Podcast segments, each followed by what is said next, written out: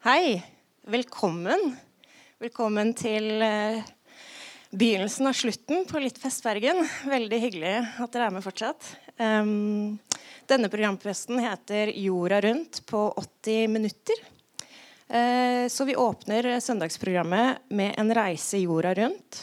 Som Phileas Fogg i den berømte romanen 'Jorden rundt på 80 dager' drar vi østover. Så i dag skal dere få bli med Hilde Kvalvåg til Kiev. Thomas Espedal til Roma. Morten Tråvik til Pyongyang. Marta Breen til Oslo. Og Sigrun Slapgard til San Salvador. Så da vil det bli servert mat underveis. Eh, restaurant Kolonialen har, servert, altså, har forberedt små retter fra hvert land som dere skal få servert. Og så begynner vi. Hei, alle sammen. Jeg skal snakke om Kiev. Um, der har jeg bare vært én gang. Det var i oktober. Um, da var jeg der ei uke. Um, når jeg ble spurt om å skrive om en plass, så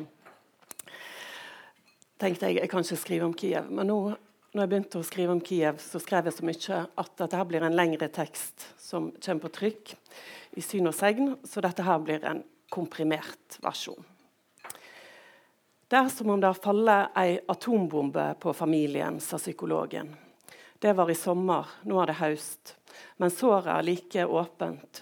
Vi vil til Tsjernobyl, til Ukraina. Vi kjenner oss dradd mot ruiner, mot sterk stråling, mot det utrygge, mot tomme pariserhjul, mot andres ulykke. Som om det kan stabilisere oss. Vi er fem som reiser, det mangler en. Hvor er han? Fra flyet ser jeg noe som ligner skispor oppå skyene. Er det han, på vei til en fremmedstad? Vet han at vi er her oppe, familien hans, på vei for å lete etter noe vi ikke vet hva er? Flyplassens ankomsthall er dunkelt belyst. Her er ingen lekre kafeer, ingen glinsende reklamer for vestlige firma. Ei mimikklaus kvinne i ei lita bod skriver prisen på taxi opp til oss. Taxien kjører i det hurtigste feltet, fort 120, av og til 130 km i timen. Jeg har fireåringen på fanget, lager et belte rundt livet hans med armene mine, selv om jeg vet at det ikke hjelper om vi skulle krasje. Mørket er tett, som om vi har havna i et svart hull, bare avbrutt av en og annen lysreklame. Jeg liker kjensla av det ukjente.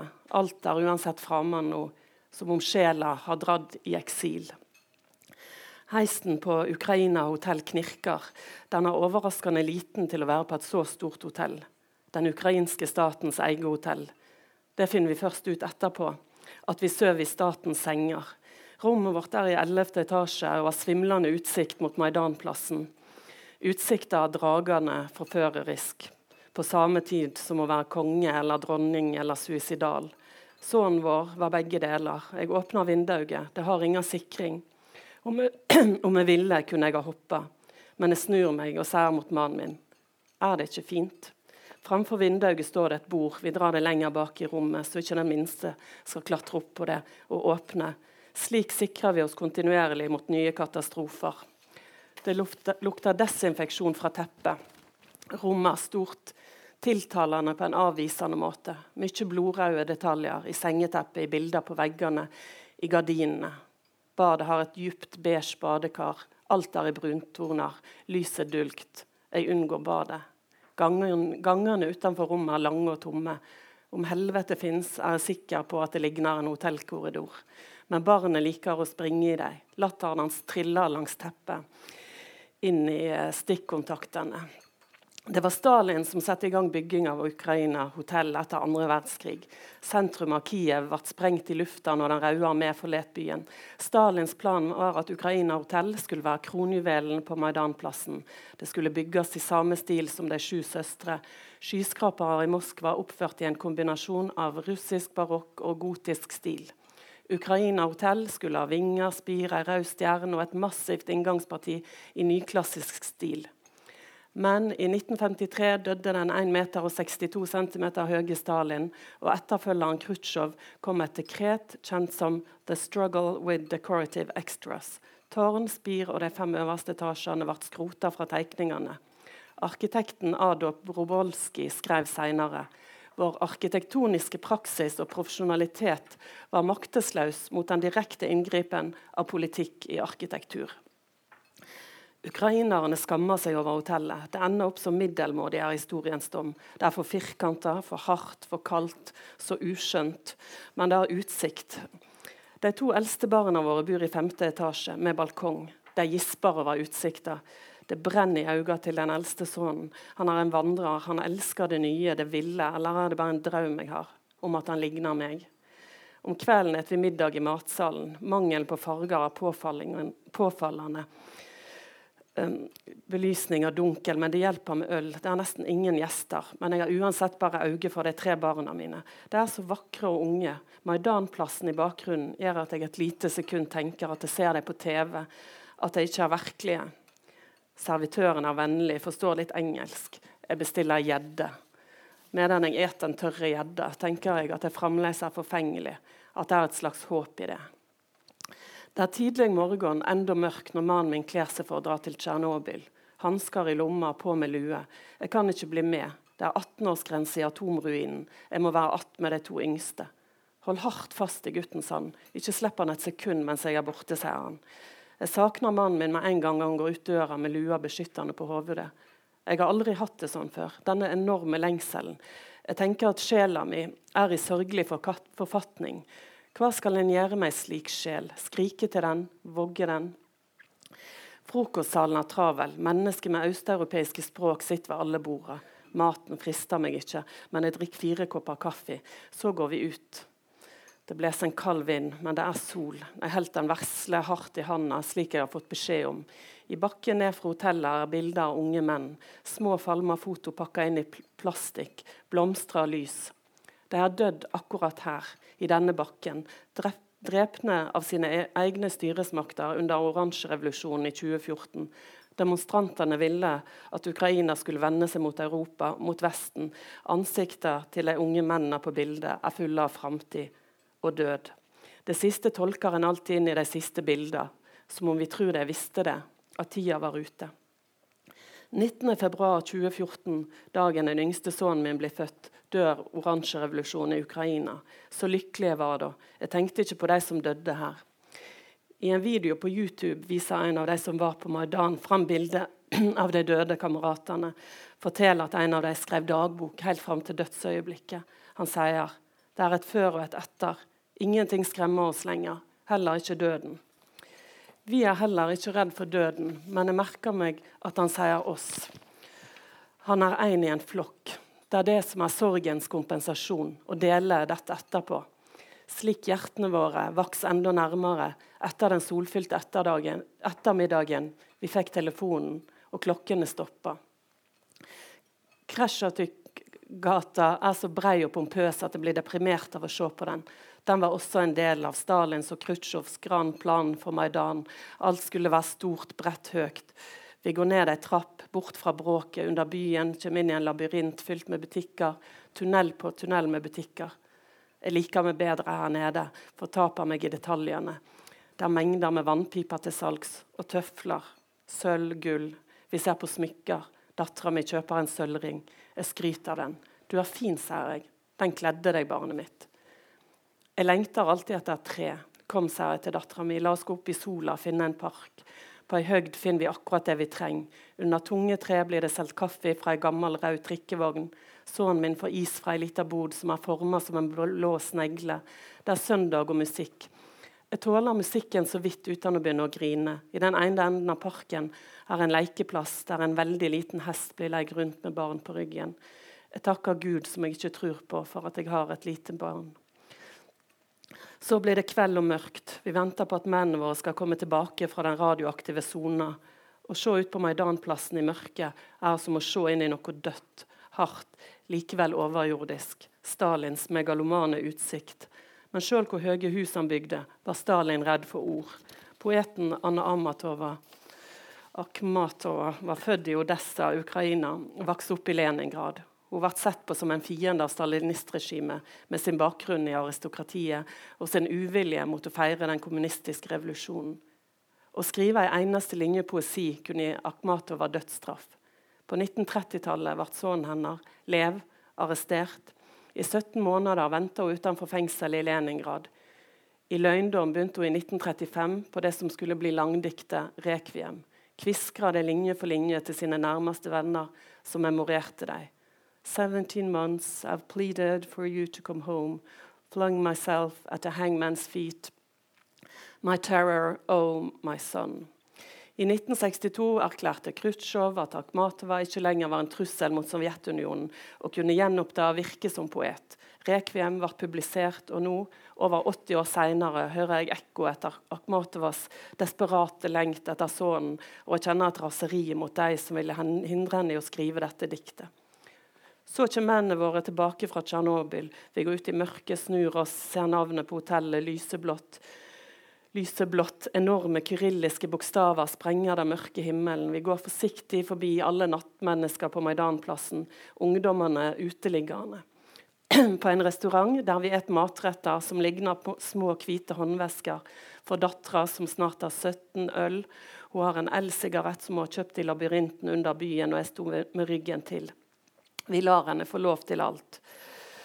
Reglene vi hadde før, er oppløst. Vi drikker og ler. Mannen min forteller om Pripjat, byen der alle som jobba i Tsjernobyl, bodde. 26.4.1986 var ei varm, stjerneklar natt. Mange i Pripjat var vakne og sto ved byens innsjø og fiska. Når reaktoren eksploderte og det 200 tonn tunge betonglokket flaug gjennom lufta, trodde de ikke det de så. De fortsatte å fiske. Det tok dager for de lot seg overtale til å evakuere. 200 000 arbeidere la en betongsarkofag som vog 400 000 tonn oppå det kjernefysiske såret. Men det fortsatte å lekke, og stråling av cesium-137 spredde seg som strålegreiner over Europa. Det var nesten ingen som døde. Vi har blitt lurt, sier mannen min, som mener kjernekraft er redninga for verdens energibehov. Han dreg noe opp av lomma bretter det, lomma, bretter det forsiktig ut av en serviett. Der er kastanjenøtt. Han har tatt den med fra exclusion zone, smugler den ned i lomma. Han skal plante kastanjetre i hagen vår. Atomer henfaller, skyter den eldste sønnen min inn. Atomet endrer seg til en lavere tilstand. Etter 30 år vil halvparten av cesiumet være henfalt. Og jeg blir rørt av ordet 'henfalle'. Jeg smiler mot sønnen min og tenker hva er halveringstida for sorg? Om det er det samme som for cesium 137, vil jeg, vil jeg i beste fall bli lykkelig igjen når jeg er 100 år. Men ingenting er sikkert. Direktøren for Tsjernobyl sier staden vil være ubeboelig i 20 000 år, men noen sier 300 år. Og tallet på ulv, bjørn og villhester øker. Neste dag tar vi med oss den store røde kofferten til en annen kant av Kiev. Kjem tidlig og ser morgensola forgylle Podil, bydelen ved elva. Staro hotell er i Art Nouveau-stil. Se på dette, er det ikke nydelig, roper vi i munnen på hverandre. Vi forelsker oss i hotellet som vi er forelska i Ukraina. Selv om vi skulle ønske at hotellet er gammelt, men det er nytt. En 1920-tallskopi, designa ned til minste detalj. Den ekstra dorullen på badet i en egen gullfarga tøypose. Herregud, så fint. Og fire stjerner. Hotellet er gåtefullt. Hvem har bygd det? Er det hvitvasking av penger? Men vår kritiske sans er bedøvd. Vi er blanke i hva det kommer fra, så lenge det er vakkert. Gatene i Podil likner gatene på Nørrebro. Ved hotellet, ved hotellet, ligger en park der barn leker, kjærester kysser. På den lokale kinoen viser det filmen 'Bergman 1957'. Den gammeldagse røde trikken kjører forbi. En og annen Lada overrisla med høstløv pynter opp. Vi går på en gul hipsterkafé og et lunsj. På doen, som er like gul som resten av kafeen, kan jeg lese Vogue. De fortryller livet sitt, tenker jeg. De drømmer, pynter, lengter. Det utarmer samfunnet, optimistisk pynta som kvinner i krig jo ofte er. Pariserhjulet på kontraktoverplassen har vogner av glass. Jeg blir stående igjen, ser mannen min og den yngste forsvinne oppover. Pariserhjulet går så seint som sekunder, som timer, stopper på toppen. Jeg vinker til deg nede fra bakken, veit ikke om jeg ser meg. Å, det er så fint her, så vakkert. Men døden er i podill også. Døden henger i buksebeina til soldatene på perm. Livet henger i en tynn tråd på husfasadene med svære banner med 'Free Oleg Sentsov'.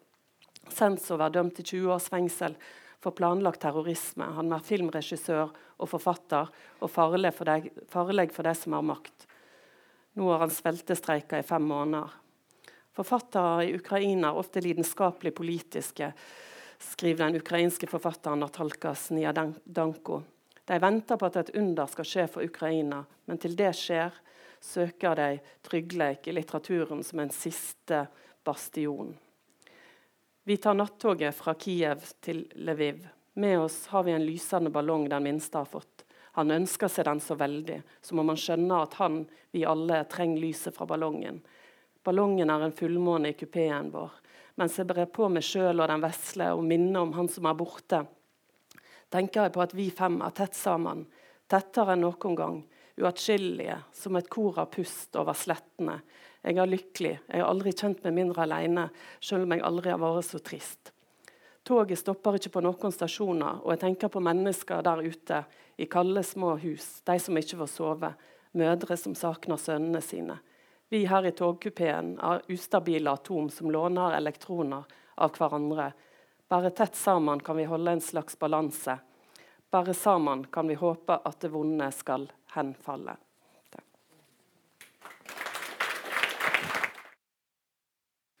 jeg trenger litt hjelp, eh, rett og slett eh, med tid, siden jeg ikke har skrevet noen manus. Kunne bare noen, når det har gått 14 minutter, trampe eller, eller slå i bordet eller et eller annet og si nå kan du holde kjeft, nå er det foredraget ditt over.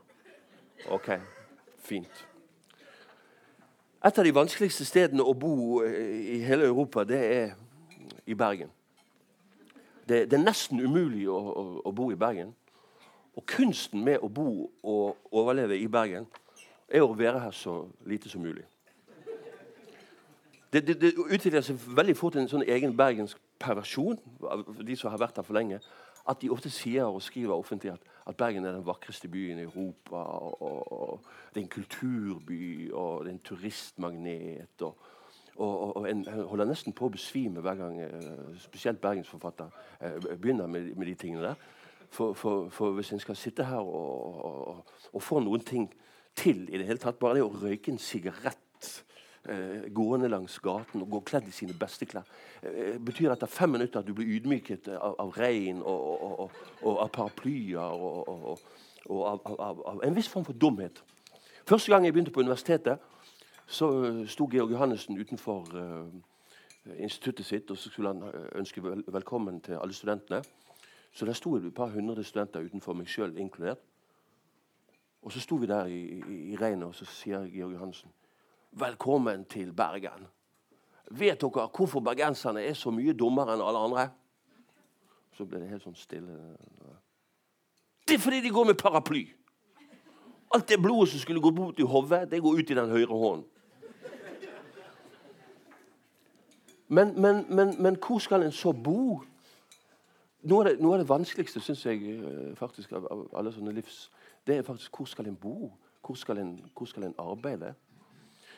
Eh, når en er forfatter, er en, en viss forstand fri. Du kan altså sjøl velge din arbeidsplass. Og en av oppgavene er faktisk å finne stedet som kan forløse et arbeid som er bedre enn det du kunne ha gjort når du var hjemme. Dette er et av de store spørsmålene i hele kunsthistorien. Er du på det rette stedet?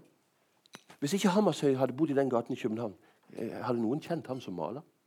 Disse vinduene og dørene som han fikk i den leiligheten. Hele stedet utløste eh, Hammerhøis uh, storhet. Munch uten Åsgårdstrand. Vi skal etter hvert til Roma. Og, og, alle de kunstnerne som har søkt Roma, hva er det de har letet etter? Og hva er det i den byen som har utløst akkurat deres arbeid? Så vi må altså som, som 18-åring eller, eller 19-åring ut av Bergen. Det, det, det er liksom helt, helt 100 sikkert en må vekk herfra.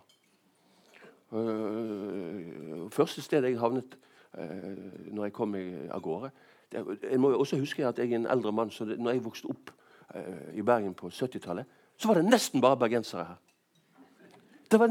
på universitetet var det 2000 studenter. Det var ingen innvandring.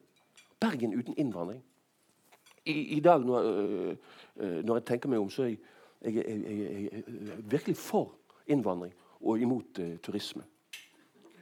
Det, og dette er alvor. Det som ødelegger denne byen, og etter hvert Roma og andre byer, det er faktisk turisme. Byen er ødelagt fullstendig av at hver februar, mars, april, mai, juni, juli, august, september, oktober så ligger det fire eller fem cruiseskip midt inne i byen og spyr ut eh, et eller annet. Og dette godtar byen og, og, og byens innbyggere. Vi som bor her, eh, blir bedt om å sykle. Jeg sykler, f.eks. Og, og, hva for hån er det å kalle seg en grønn by og ha gratissykler og alt mulig? mens, mens de der jævlige båtene ligger og spyr ut tyskere og japanere og amerikanere og nederlendere og, Gud vet hvor de kommer fra, de her hordene som liksom bare går gatelangs ned Bryggen og, og, kjøper sånne nisser. Og, Dette skal vi liksom gå og se på i alle disse månedene. Og så Vi mister alt mot og all tro og all kunstnerisk Så vi må vekk. Husker etter hvert i Roma.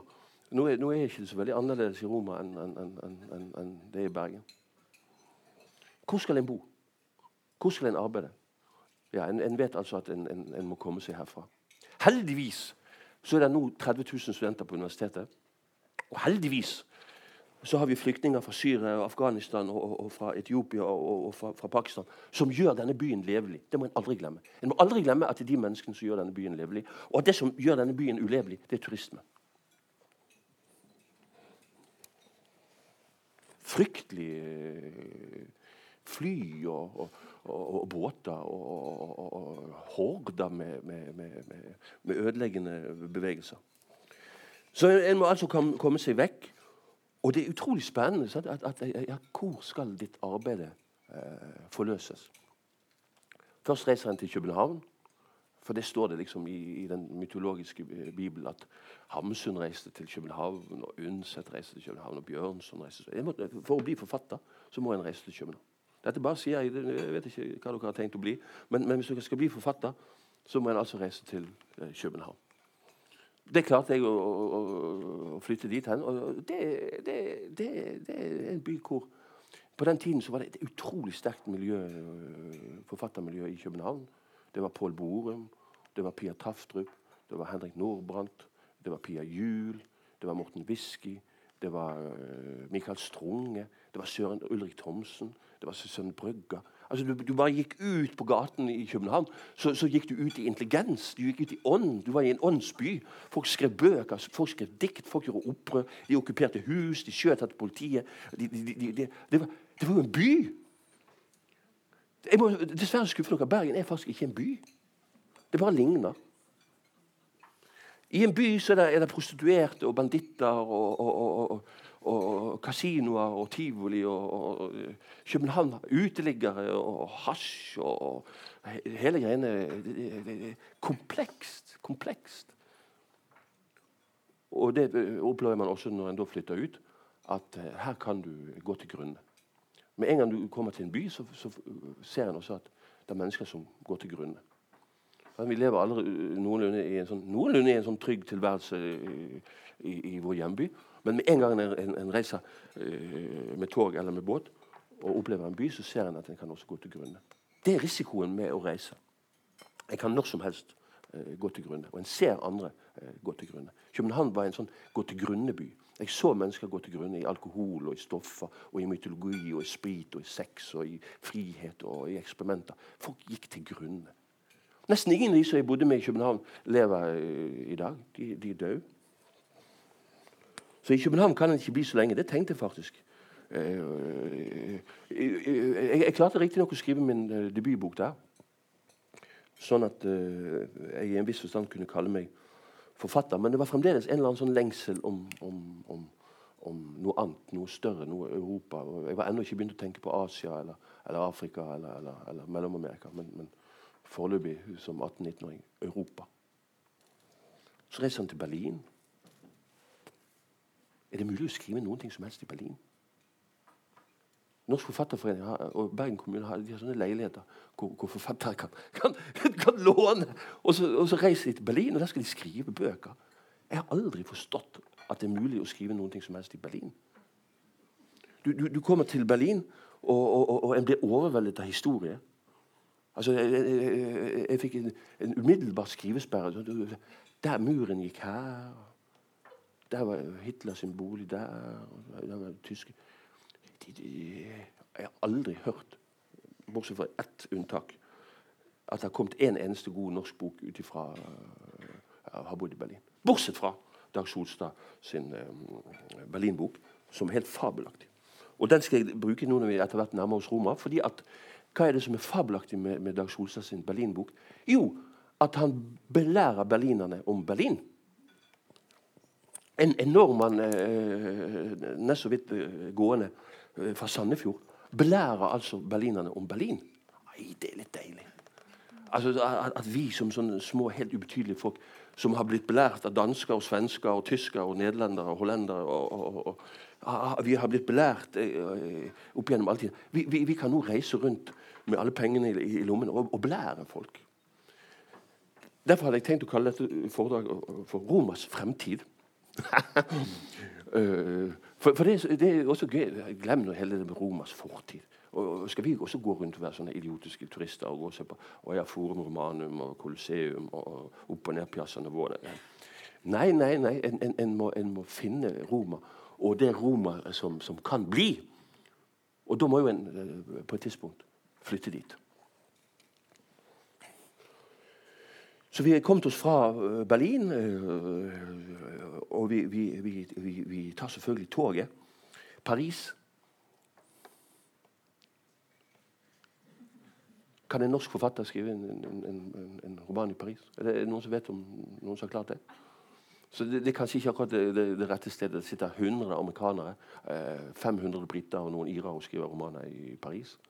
Og, og, og så, så, ja. ja, ja. Men, men, Roma Og hva er det, hva er det første med, med, med, Roma? Altså stedet. Eh, veldig rart eh, å finne eh, sitt sted og sin by og sitt arbeid. Og Fremdeles er Roma egentlig på en måte en slags uh, har, ha en sånn mystisk ting. For meg er det en veldig liten by. Uh, jeg går ut ifra at de fleste som reiser der, på et eller annet tidspunkt skal unngå å gå i alle de samme gatene som, som alle andre. Og så finner en altså disse her uh, mindre stedene, og, og, og, og, så skal en da finne gaten, huset og etter hvert rommet hvor en skal arbeide.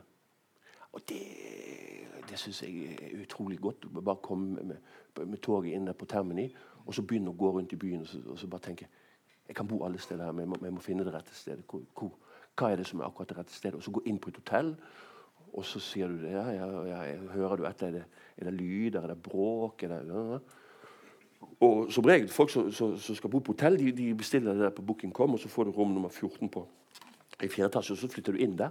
Sånn går det ikke når jeg skal skrive bøker.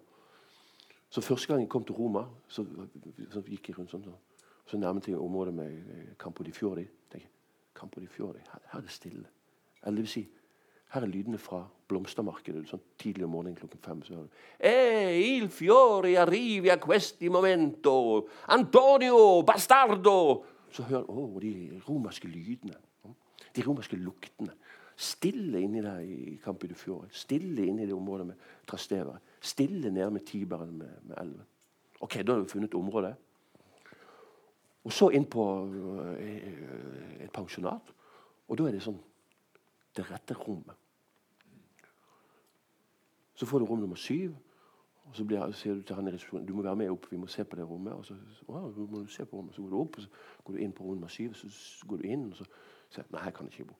Så sier du jeg beklager, her kan jeg ikke bo. Så går du ned, og så får du på rom nummer 14. og så Samme prosedyre. Opp, og så inn. og så Nei, nei, nei, det er jo ingen vinduer. Nei, rom nummer 14. Dette tar kanskje en time. Og, og, og, og, og resepsjonisten Neimen, i all verden Du får få nummer, rom nummer 22. Så får du rom nummer 22. Og Rom nummer 22 har en balkong ut mot Kampofjordplassen. Den har store vinduer som du kan åpne, og en gammel seng. Svært gammel sånn her skap som det går lik ut og inn av spøkelser og Strindberg og, og Pasolini. Og, her kan du bo. Så ommøblerer du hele værelset. Er, det gått 14 minutter? Vi har ikke kommet til Roma ennå.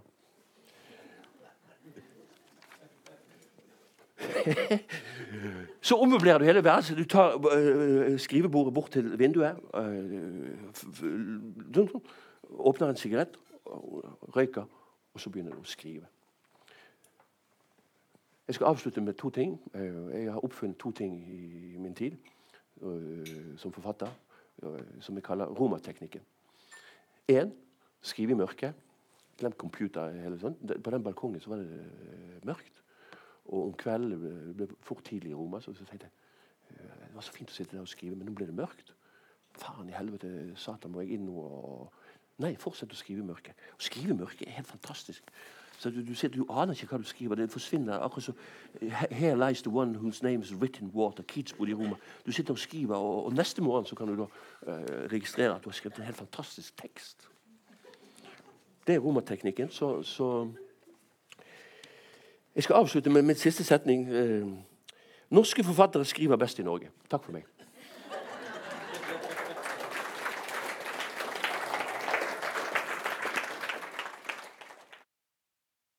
Det er litt pussig å skal stå her og snakke om San Salvador, en by som jo egentlig ikke, akkurat nå i hvert fall, vil anbefale noen å dra til. Men det er altså slik. Det fins bøker som en må skrive. Det fins byer som en alltid må tilbake til.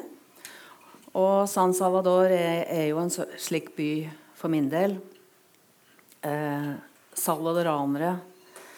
Dette milde, gjestfrie folket. Eh, leche, dulce de leche, som er søtt og godt. Tortillas, poposas. To casas, mi casa. Ditt hus er mitt hus. Og like rundt hjørnet blind vold, drap på åpen gate. Også dette landet som har Frelserens navn. El Salvador, Frelseren, og byen San Salvador. Det blir jo sagt om dette landet, dette bitte vesle landet, like stort som Sør-Trøndelag. Med Frelserens navn så altfor nærme USA og så altfor langt fra Gud. Der i San Salvador der har jeg mitt hotell Terrassa. Det ligger litt utafor eh, bykjerna. Eh, kanskje litt sånn som på Majorstua i forhold til Oslo. Her vil det kanskje, bli Møhlenpris. Um, og det er ei spesiell kvinne som har vært årsaka til at jeg i så stor grad har dratt tilbake til El Salvador og til San Salvador spesielt. Ei som heter Marianella Garcia Villas og som eh, brakte meg tett på eh, min første krig. Eh, hun var leder for Menneskerettighetskommisjonen i El Salvador.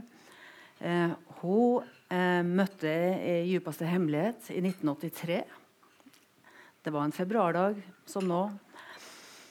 Og hun holdt da på Hun hadde faktisk vært flere ganger i Norge. Prøvd f.eks. å få til Raufoss ammunisjonsfabrikker til å la være å eksportere våpen til El Salvador, til borgerkrigen som foregikk da. Da jeg møtte henne, så drev hun og skulle bevise bruken av eh, napalm i El Salvador. Um, så når jeg nå skulle skrive Latin-Amerika-boka mi, så var det klart at jeg måtte tilbake til denne historia. Eh, jeg hadde et spesielt ærend.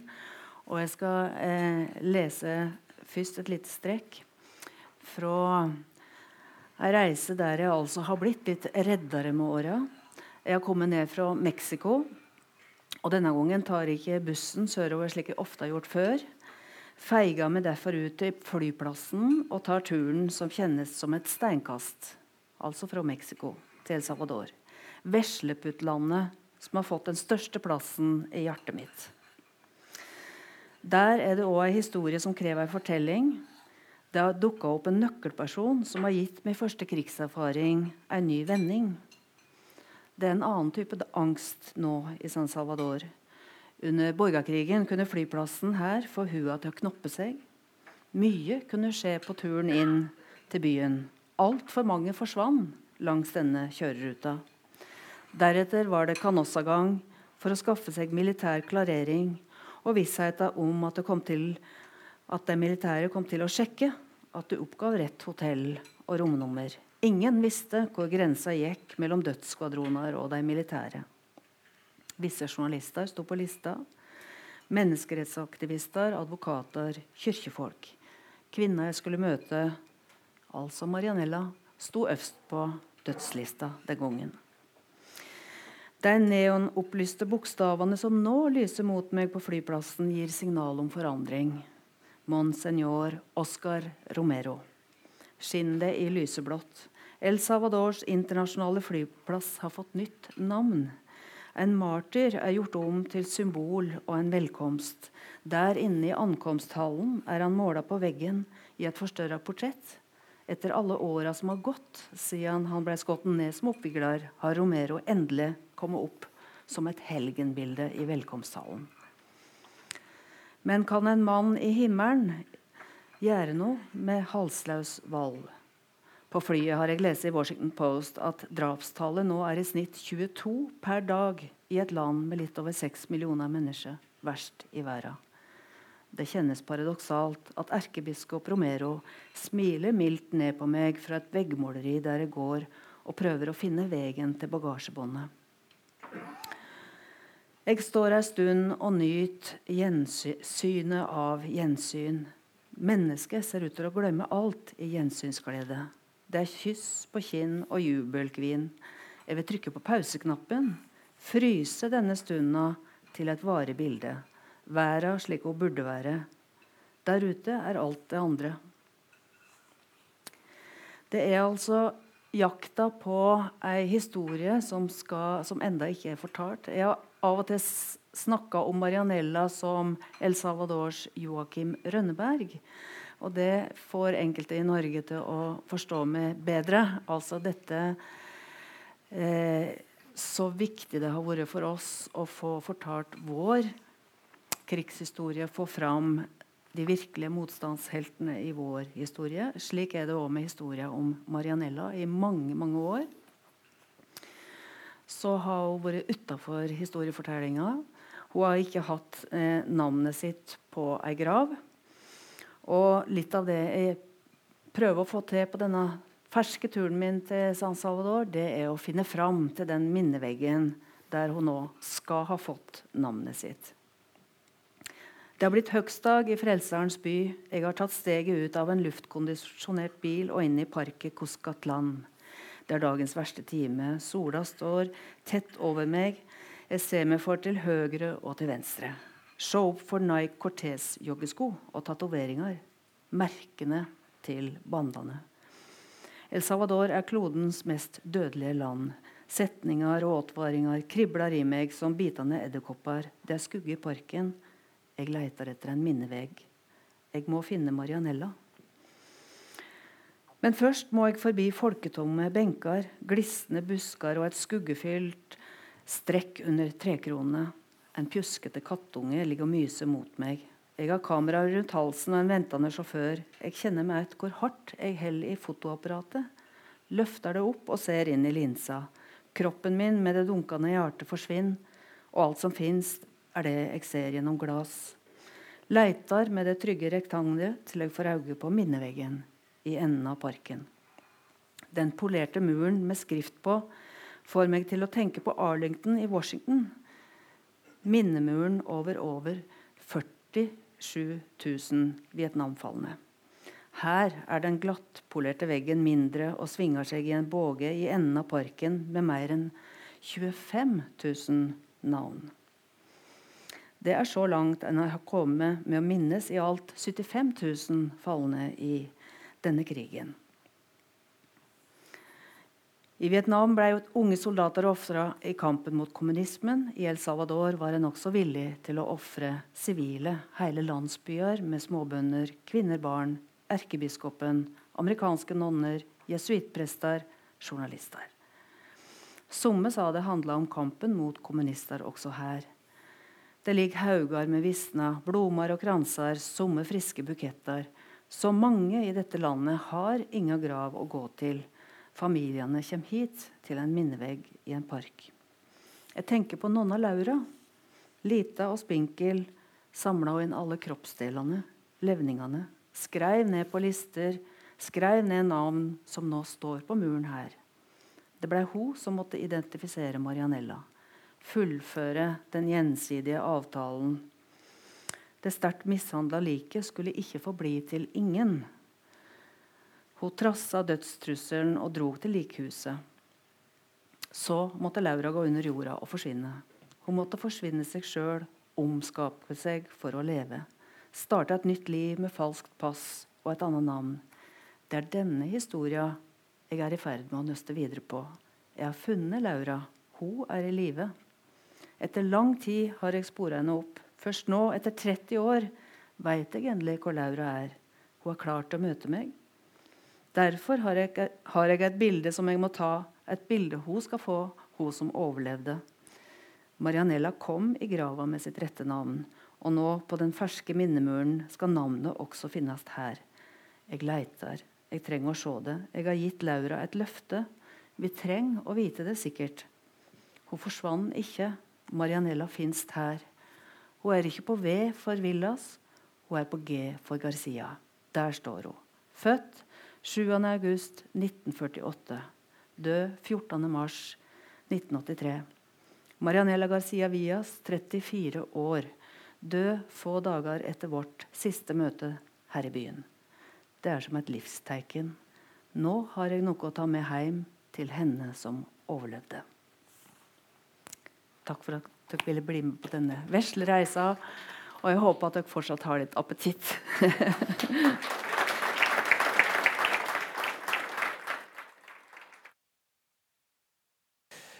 Ja, mine damer og herrer. And now for something completely different. Uh, jeg skal ta dere med til en by som uh, i hvert fall til en viss grad forløste mitt arbeid. En av byene i mitt hjerte, Pyongyang. Uh, hovedstaden i Den demokratiske folkerepublikken Korea. Kjent blant venner og litt mindre formelt som Nord-Korea. Eh, for å hekte meg litt på noe som Thomas Espedal var inne på. Eh, dette med den egentlig ganske For en som ikke har vært i Bergen på en stund, eh, så blir man jo faktisk jeg er helt enig, slått litt i bakken av disse enorme mengdene av eh, nesten en slags Walking Dead-statister som skufler seg over Bryggen i kø eh, halvparten av året. Det må jeg faktisk også si. Støtte opp om det. Derfor så tenkte jeg skulle inspirere. Jeg håper det er noen fra byens uh, reiselivsnæring her, så de kan bli inspirert av uh, hvordan effektiv turisthåndtering skal gjøres. Fordi Det finnes nemlig turisme i Nord-Korea også. det er bare at den, Der får man ikke lov å gå hvor man vil. Uh, og man, de tar ikke inn flere enn det er plass til i en minibuss av gangen. Så nå skal vi sette oss sammen i en minibuss og ta en uh, første liten uh, speeddate med Pyongyang. Uh, jeg var litt i tvil når jeg nå skulle være med på denne, dette spesielle arrangementet og denne festivalen, som jo er en litteraturfestival. Og da kan det jo kjennes litt sånn nesten litt juksete i forhold til teksten og formidlingen av den. Og stille opp med en masse bilder osv. Eh, jeg ville jo helst bare ha forført dere med min hypnotiske formidlingskunst osv. Eh, men på den annen side så har jeg etter hvert gjennom mange års uh, virke i Nord-Korea og eh, formidling av mine erfaringer der av og til erfart at hvis ikke folk får se bilder, så tror de meg ikke. Så derfor tenkte jeg at vi skal, vi skal nå kjøre sammen de første 15 minuttene gjennom Pyongyang. Eh, jeg støtter meg litt på min egen bok 'Forræderens guide til Nord-Korea', som kom ut i fjor høst. Eh, som da forsøksvis er både en praktisk reiseguide, men også en psykologisk bruksanvisning til det indre landskapet som finnes i Nord-Korea. Og det er ikke alltid like lett å få øye på ved første date, eh, som jo ofte er den eneste daten om man drar til Nord-Korea. Man får. Så det får vi ha litt i bakhodet.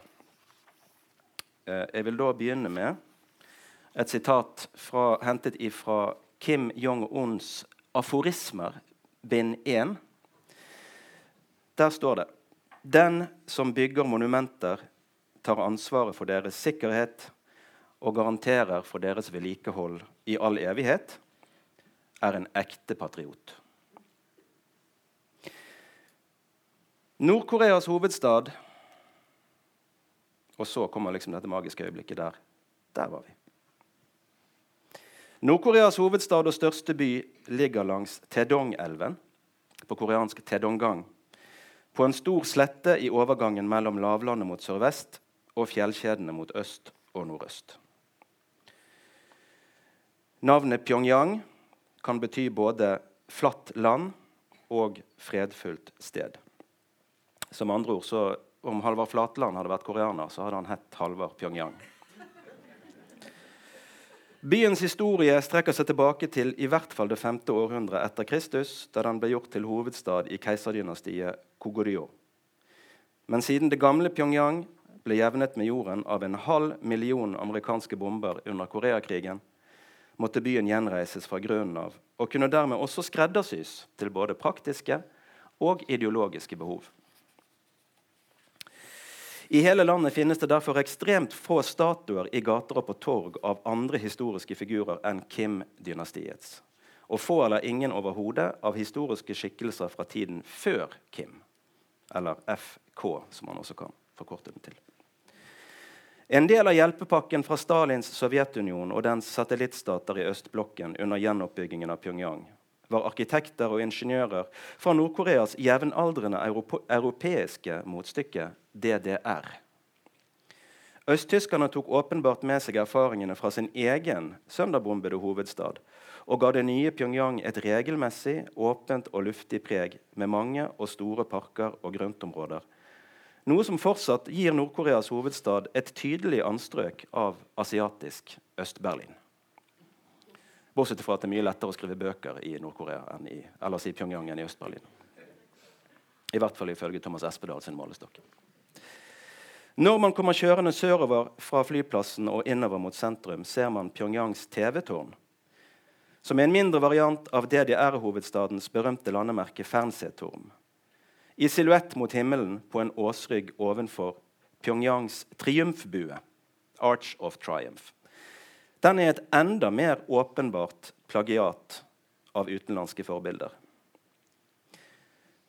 Her som ellers har imidlertid nordkoreanerne lagt til et par egne detaljer. En lagdelt hatt av stiliserte etasjetak i typisk østasiatisk stil gjør den nordkoreanske kopien ti meter høyere enn sin franske åndelige spermdonor. Triumfbuen ble oppført til Kim Il-sungs 70-årsdag den 15. april 1982 sammen med et annet sentralt Pyongyang-landemerke som venter på oss rundt neste sving. Monumentet er tilegnet motstandskampen og seieren over japanerne og den offisielle historieskrivingens årstall for kampens begynnelse, 1925, og slutt, 1945, er inngravert i søylene. Det er neppe tilfeldig at Pyongyangs byplanleggere har lagt den eneste innfartsåren fra flyplassen og inn til bykjernen gjennom denne ærefryktinngytende betongkolossen. Effekten blir som å kjøre både gjennom en fysisk byport og en symbolsk portal til Pyongyang universet. Der passerte vi under betonghvelvingen. Og så råkjører vi litt nå, så vi kommer litt fortere fram enn det vi ellers ville gjort, til Pyongyangs og dermed også Nord-Koreas både geografiske og symbolske hjerte, nemlig Kim Il-sung-plassen. Det er den eh, store plassen dere ser midt i, eh, midt i bildet med det som heter Grand People Study House uh, like bak det store asiatiske uh, arkitektoniske byggverket. Det skal vi komme tilbake til. Kim Il-sungs plass ble selvsagt ferdigstilt nesten først av alt som skulle gjenoppbygges etter Koreakrigen. Og den ble som seg hør og bør innviet med en ordentlig militærparade allerede i 1954, året etter at våpenhvilen ble undertegnet. Krysser man den fotballstadionstore plassen til fots, legger man merke til et nett av titusenvis av små, hvite rundinger malt rett på steinhellene med hvert sitt nummer ved siden av. Sånt er praktisk når et folkehav på hundretusener, med og uten uniform, skal handle som ett stort hjerte og sinn, satt sammen av mindre seksjoner på centimeternøyaktige geledd. Så Pyongyang er også en åndsby på sin måte. Det er bare én ånd istedenfor mange. Se opp for å vri nakken av ledd når man bare suser forbi som vi gjør nå. I motsatt kortende av podiets plassering åpner nemlig Kim Il-sungs plass seg ned mot Tedong-elven og Chuche-tårnet. Det er det tårnet dere ser bak til høyre der. Som speiler seg i vannflaten fra den andre elvebredden, ansikt til ansikt med ledernes podium en knapp kilometer unna. Nå ser dere Kim Il-sungs plass fra Chuche-tårnet siden. Chuche er altså den hjemmelagde ideologien til Kim Il-sung, som da eh, veldig kort og forenklet eh, handler om selvforsyning.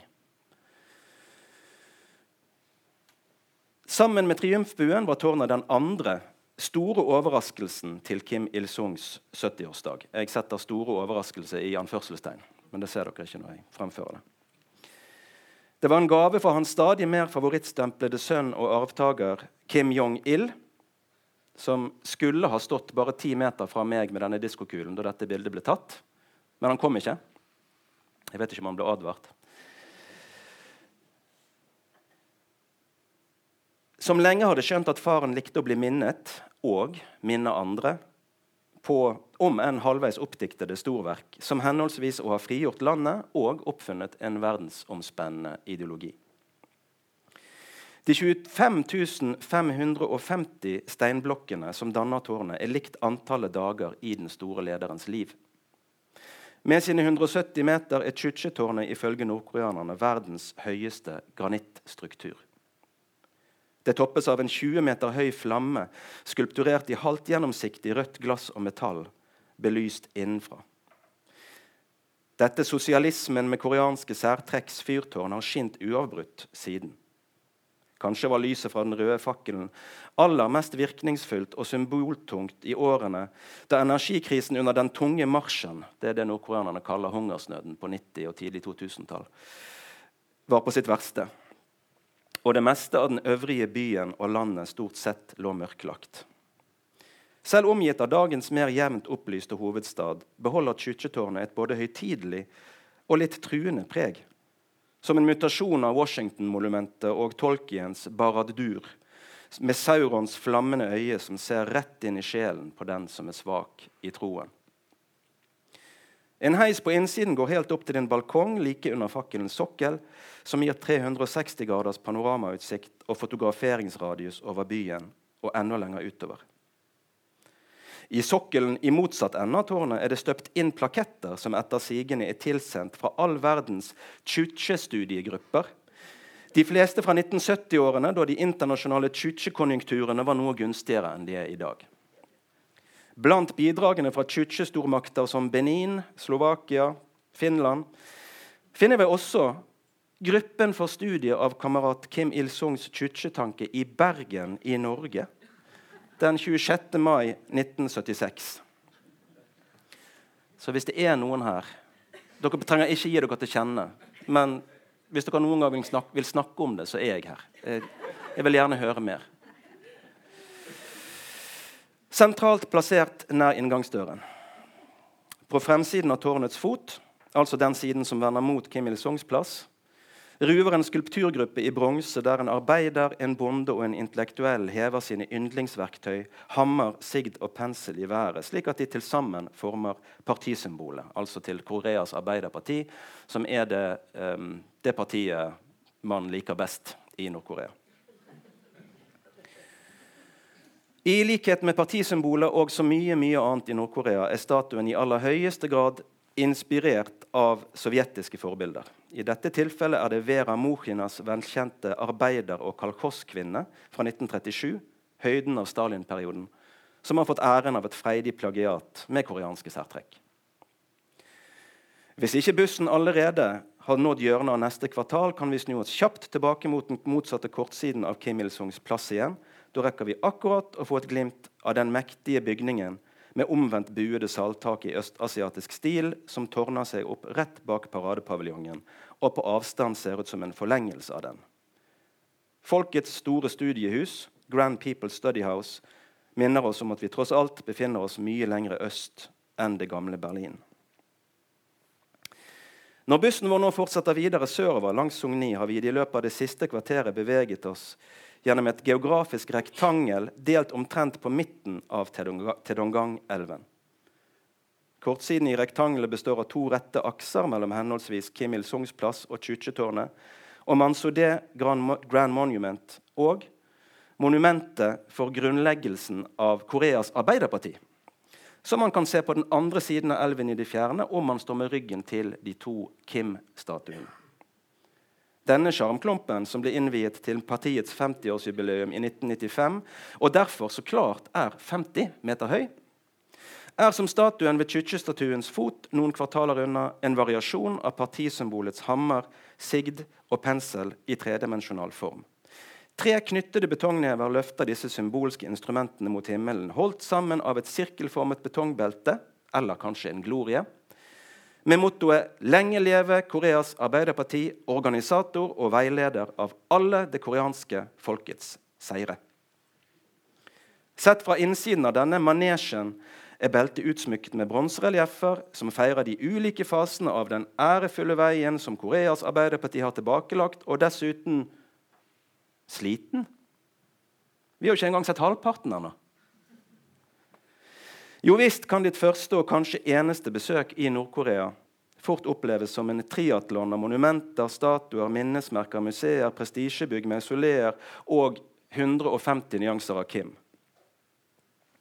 Regimet har meislet seg inn i, gravd seg ned i beskåret, skulptert, befestet og i overskuelig framtid satt sitt merke på landets fysiske overflate, likt en forrykt plastikkirurg som vil gjenskape elskede, sin elskede i sitt eget bilde. Staten, det er meg, og derfor også deg. Det er derfor kanskje ikke så rart at den som besøker Pyongyang og Nord-Korea kun én gang, knapt vil få tid eller mulighet til å bryte med den ofte medbrakte klisjeen om at byen og landet bare er en kulisse. Også en annen og mye brukt vestlig betegnelse på byen, nemlig utstillingsvindu, bærer i seg en påstand om noe, iscenes, eh, noe uekte og iscenesatt. En annen medvirkende faktor til denne følelsen er fraværet av det kaotiske mangfoldet av inntrykk som de fleste av oss er vant med hjemmefra. Kakafonien av storbylyder, neonreklame, søppel i gatene, fortauskafeer, variasjonen i hudfarger og klesstiler.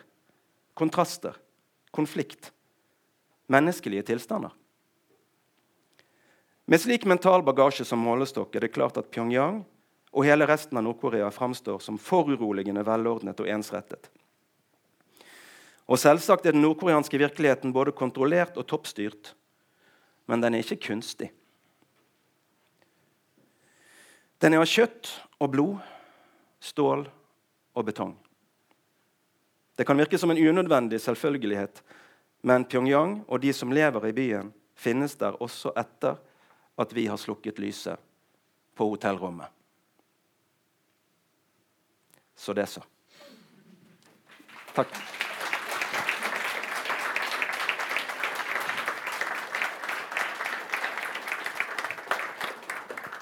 Rett videre til noe langt mindre eksotisk. Eh, jeg skal nemlig snakke om Oslo. Eh, og jeg er eh, Oslo-jente. Jeg er vel den eneste her som da skal snakke om min egen hjemby. Jeg bodde i Bergen, faktisk. Jeg gikk forbi den leiligheten jeg bodde i på 90-tallet i går. nedi her, og Da, da huska jeg plutselig det at jeg jeg hadde aldri følt meg som en sånn Oslo-jente på samme måten som når jeg kom hit. For da ble jeg liksom fortalt det at jeg var veldig typisk Oslo-person. Oslo og det var jo ikke så rart at de mente det, disse folka jeg ble kjent med i Bergen. Det var fordi jeg flytta nemlig hit for å ta lappen på bil. Fordi jeg hadde fått et sånt tilbud om en jobb og skulle få lappen på bil. Og så sa jo folk i Oslo på Vestlandet er det kjempelett å ta lappen. Eh, så det var mange som dro til Vestlandet for å ta lappen. Og, så, men de dro jo til Volda. Det var det. Jeg tenkte ja, Bergen det hørtes jo litt gøyere ut. Så jeg prøvde å ta lappen på heltid, og fikk jo det. Det er jo helt håpløst å kjøre her. jeg brukte nesten et helt år og et helt studielån på å prøve å ta lappen i Bergen. Og dro hjem igjen da med halen mellom beina. Eh, hadde, ja, jeg fikk lappen ti år etter det i Oslo. Men det var, det var ikke rart de mente at jeg var typisk fra Oslo. Um, jeg har et ambivalent forhold til uh, Oslo. Det tror jeg egentlig er veldig vanlig uh, i Norge. Nesten alle har det.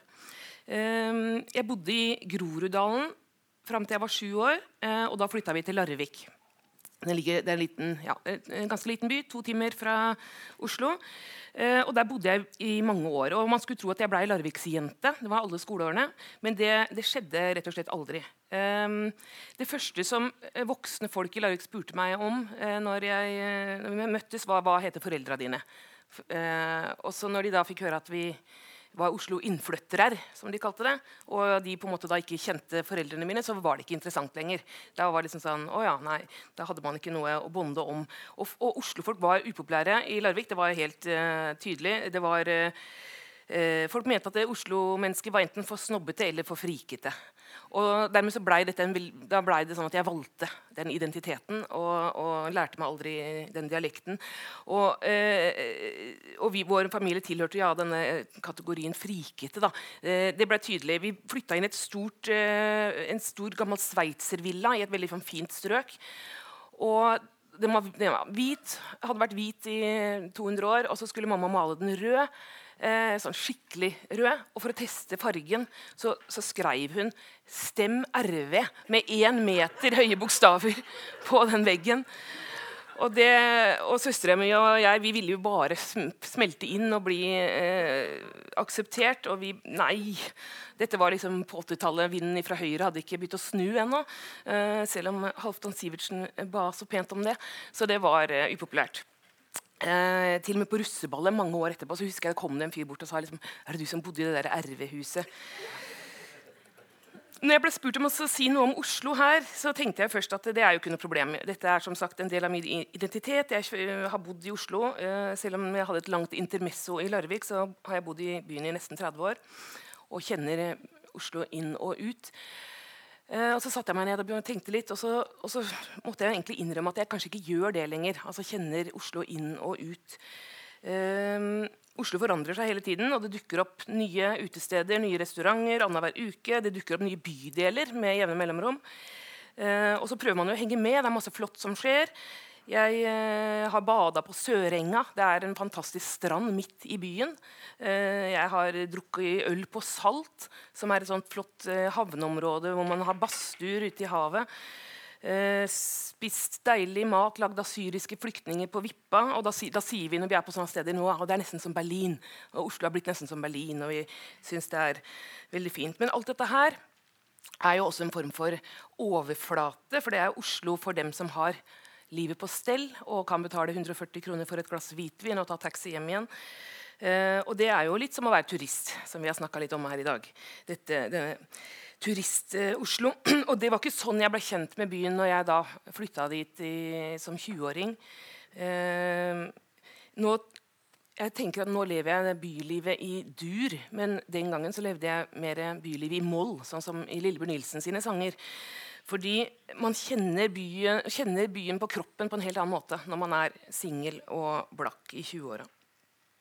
Da kan man jo plutselig våkne opp eh, i en seng eller på en sofa eh, et eller annet sted i byen som du aldri har vært før, og så bruke hele formiddagen på å leite deg hjem igjen mens man banner og sverter. Og Den gangen så kunne jeg heller ikke velge å vrake i sosialt selskap, men jeg havna bare sammen med dem som Oslo sendte min vei.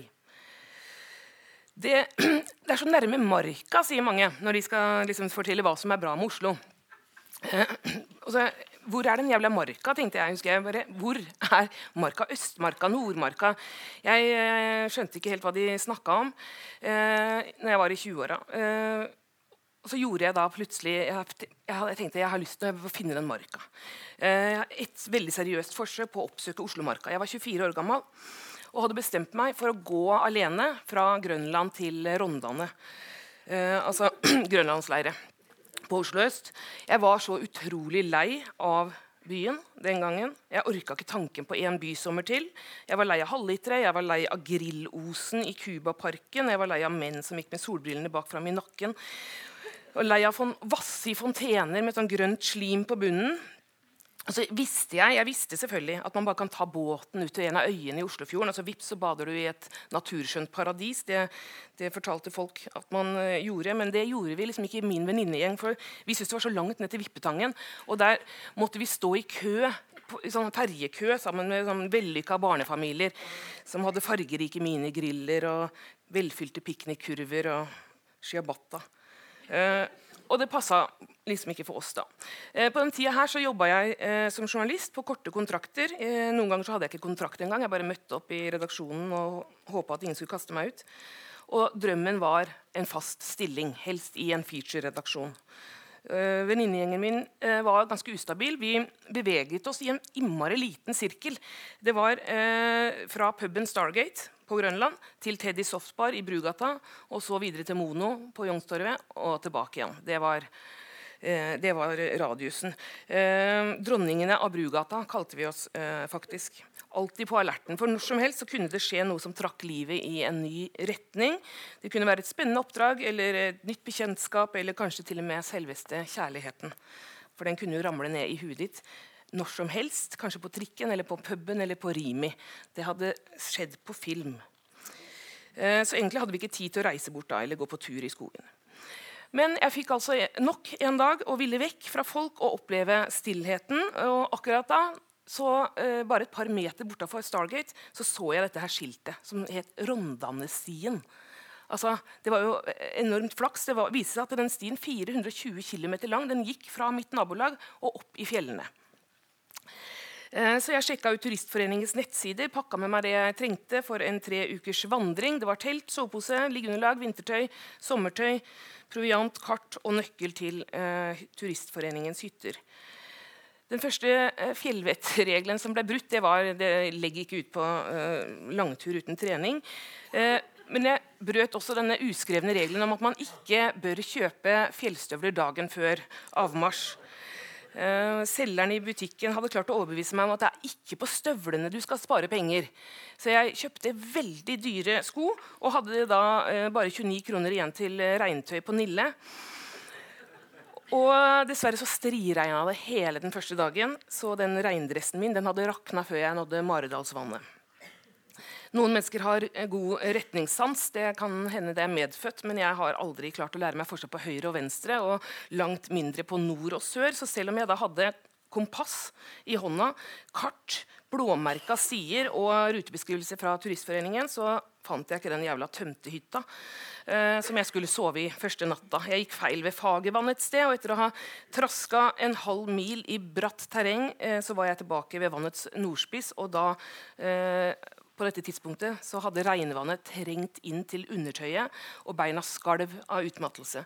Så fjellvettet mitt slo inn og overbeviste meg om at det var nå jeg måtte slå opp teltet for natta.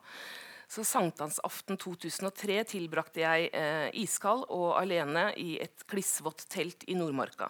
Og denne ensomheten jeg trodde skulle fylle meg med ro, den eh, gjorde det motsatte. Jeg lå våken hele natta og grubla på livet og hva jeg egentlig drev med. Og jeg husker at jeg hadde lyst til å notere ned disse tankene. fordi jeg tenkte det kunne være noe klokskap å hente til senere bruk.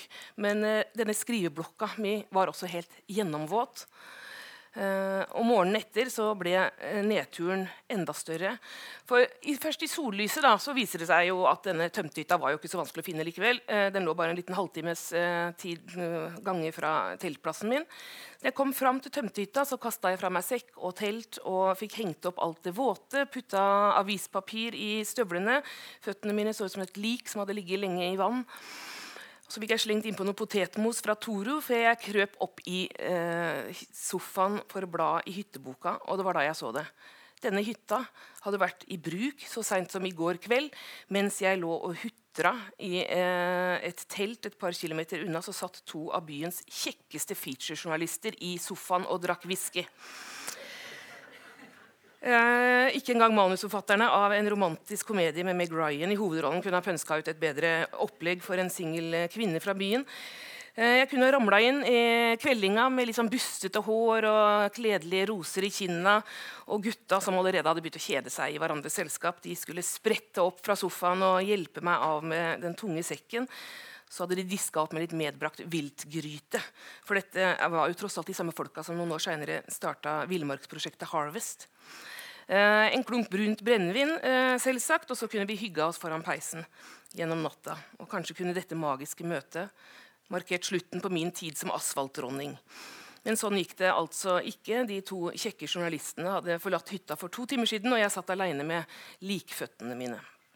Som vanlig på feil sted til feil tid. Og Det oppsummerer kanskje egentlig mitt forhold til Oslo. En by jeg eh, elsker på mange måter, eh, som jeg aldri kommer til å flytte fra. Eh, men som eh, likevel stadig gir meg denne merkelige, rastløse følelsen av å være på feil sted til feil tid. Takk.